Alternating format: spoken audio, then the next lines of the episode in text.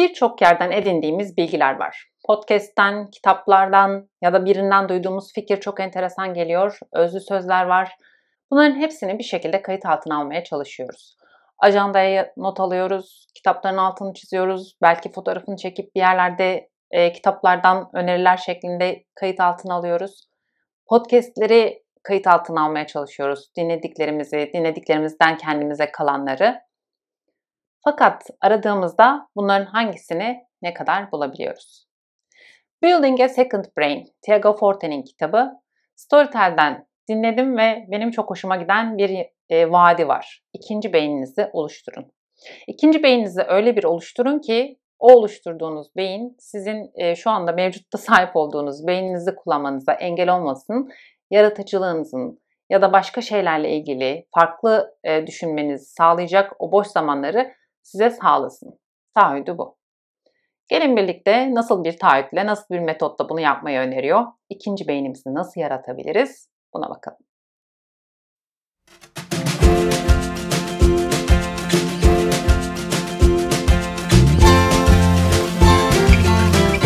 Kitapta anlatılanları iki bölümde özetlersek bir depolama yani dosyalarımızı depolama yöntemlerinden bahsedeceğiz.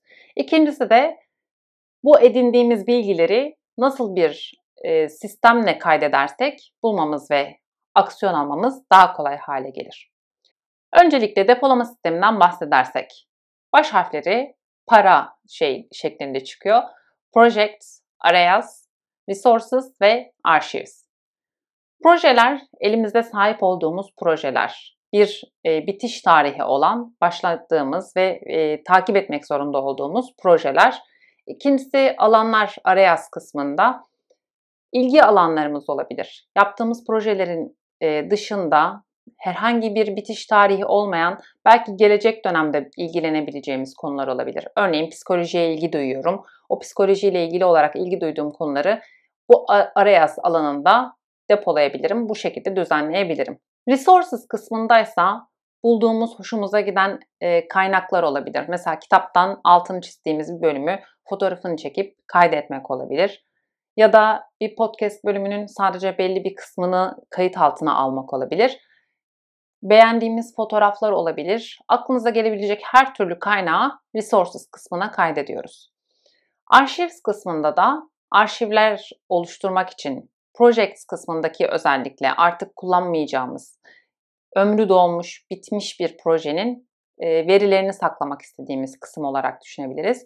Ya da Areas Resources kısmına koyduğumuz ama artık kullanmayacağımızı düşündüğümüz, ömrü tükendiğini düşündüğümüz konular varsa bunları o alana depolayabiliriz.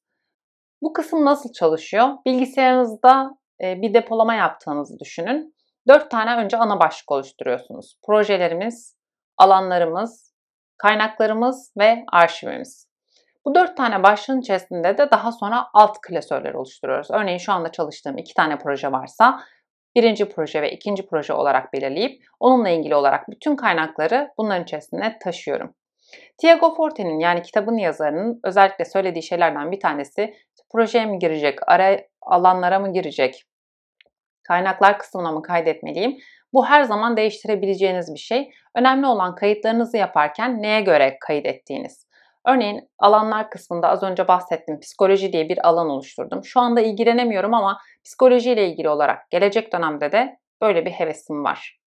Çalışmak, daha detaylı öğrenmek istiyorum. Bununla ilgili olarak bulduğum kaynakları koyuyorum. Kitapta verilen örneklerden bir tanesi yeni işini kurmuş biri. İşe alım süreçleriyle ilgili bir merak var ama tam olarak da e, şu anda işe alım yapmadığı için kullandığı ya da kullanacağı e, kaynaklar değil. Bununla ilgili olarak makaleleri ya da bulduğu fotoğraf vesaire gibi şeyleri alanlar kısmına kaydedip iki sene sonra e, işe alımla ilgili olarak kaydettiği için bunları kolaylıkla geri dönüp bulabiliyor. Alanlar kısmını oluşturduktan sonra bu şekilde işe alım, psikoloji ya da günlük hayatınız içerisinde yapmak istediğiniz bir şey olabilir. Evin tekrar düzenlenmesi ya da çocuğun okuluna karar verilmesi, e, resim yapmak istiyorum. Resim yapmakla ilgili olarak bilgileri toplamaya çalışıyorum. Kitap yazıyorum.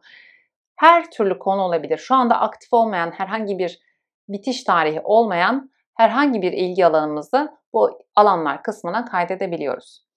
Bu şekilde düzenlemek aslında hangi alana neyi koyacağımızı karar vermemizi ve o konuyla ilgili olarak bütün her şeyi orada bulabileceğimiz anlamına geliyor.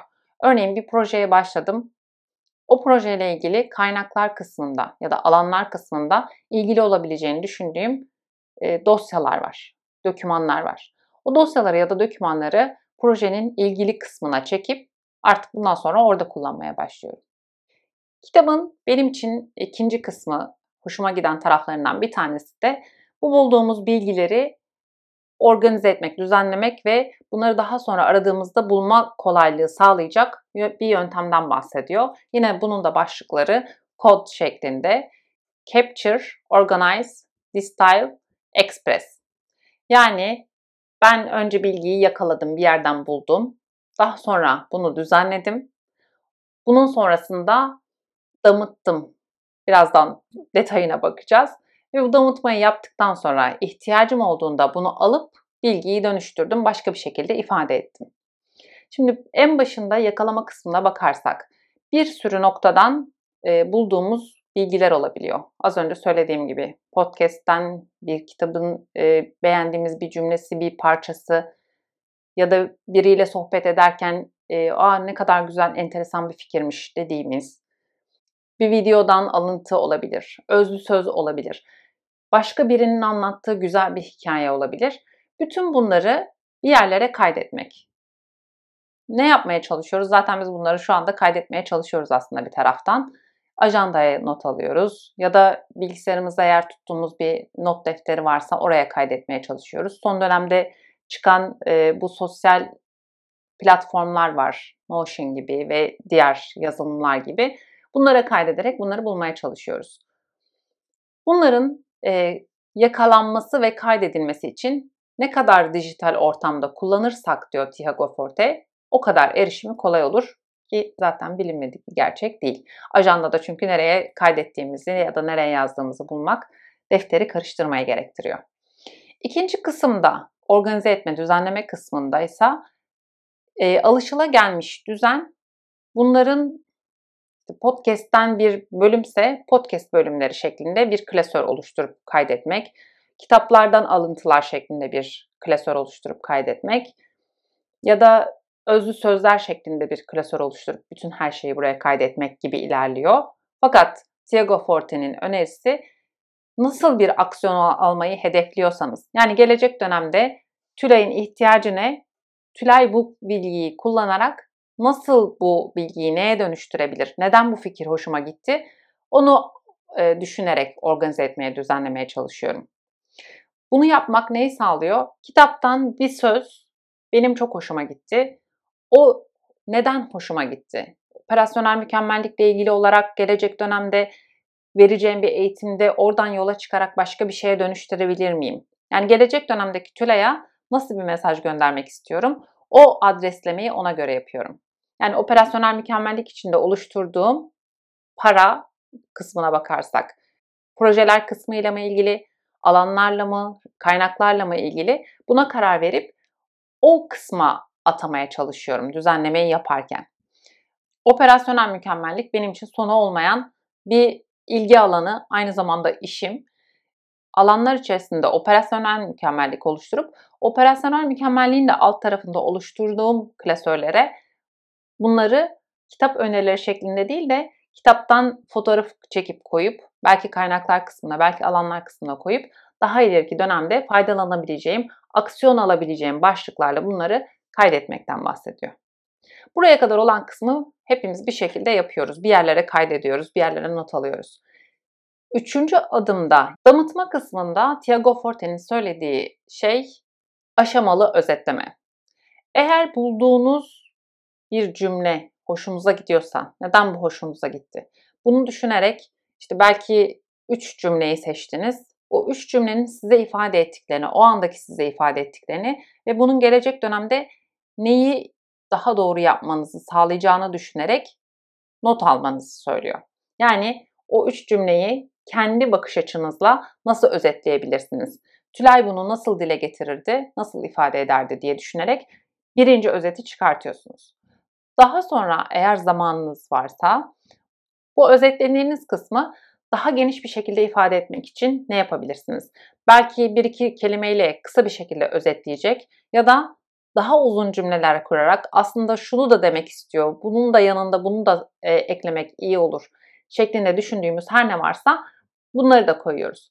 İkinci özeti de yaptıktan sonra artık üçüncü özete eğer hala zamanınız varsa bunu da çıkartın ve gelecek dönemdeki TÜLA'ya mesajınızı gönderin diyor.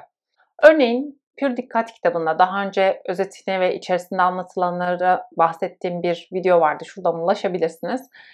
Bu kitapta birçok güzel yöntem anlatılıyor. Fakat ben kendime buradan internet zamanlarını belirlemek ve eğitim sunumu hazırlarken ya da blog yazısı ya da video hazırlarken kullanacağım ve interneti kullanmam gereken zamanları azaltacak bir yöntem önerisi vardı. Bu yöntemi kullanarak artık e, işlerimi yapmaya çalışıyorum.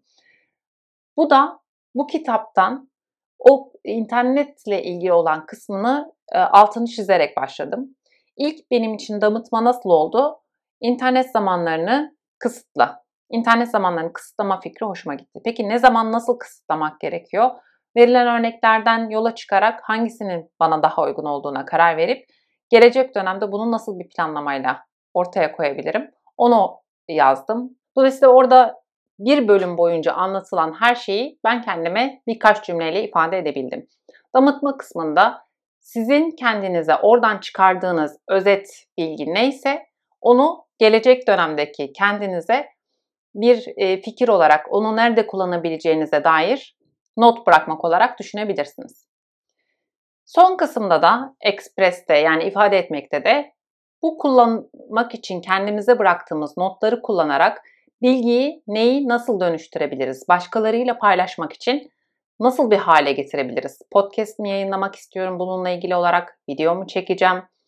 Ya da kitap yazacağım, blog yazısı yazacağım, bir eğitim sunumunda kullanacağım. Yaptığımız bu hazırlıkların bir taraftan da mesela toplantılarda hazırlayacağımız PowerPoint sunumlarına bir hazırlık olarak da düşünebilirsiniz. Eğer gelecek dönemde yapacağınız bir PowerPoint sunumu için o bilgileri özet şekilde toplayabilirsek, işte verileri, resimleri, fotoğrafları, videoları eğer kendimize düzgün notlarla bırakabilirsek o ilgi alanları ya da kaynaklar kısmına bunları kullanarak başkalarıyla paylaşabilecek düzgün notları çok daha kısa zamanda hazırlayabileceğimizi söylüyor. Özetle Getting Things Done kitabında David Allen'ın da söylediği gibi beynimiz bazı fikirleri tutsun diye, saklasın diye değil, yeni fikirler üretebilmek, daha üretken olabilmek için var. Eğer daha üretken olabilmek için, fikirlerden yararlanıp başka bir şeyler üretebilmek için kullanmak istiyorsak, ikinci beyin oluşturmak bizim için güzel bir seçenek olabilir. Gelecek videolarımızdan haberdar olmak isterseniz kanala abone olup zil tuşuna basabilirsiniz. Şimdilik hoşçakalın.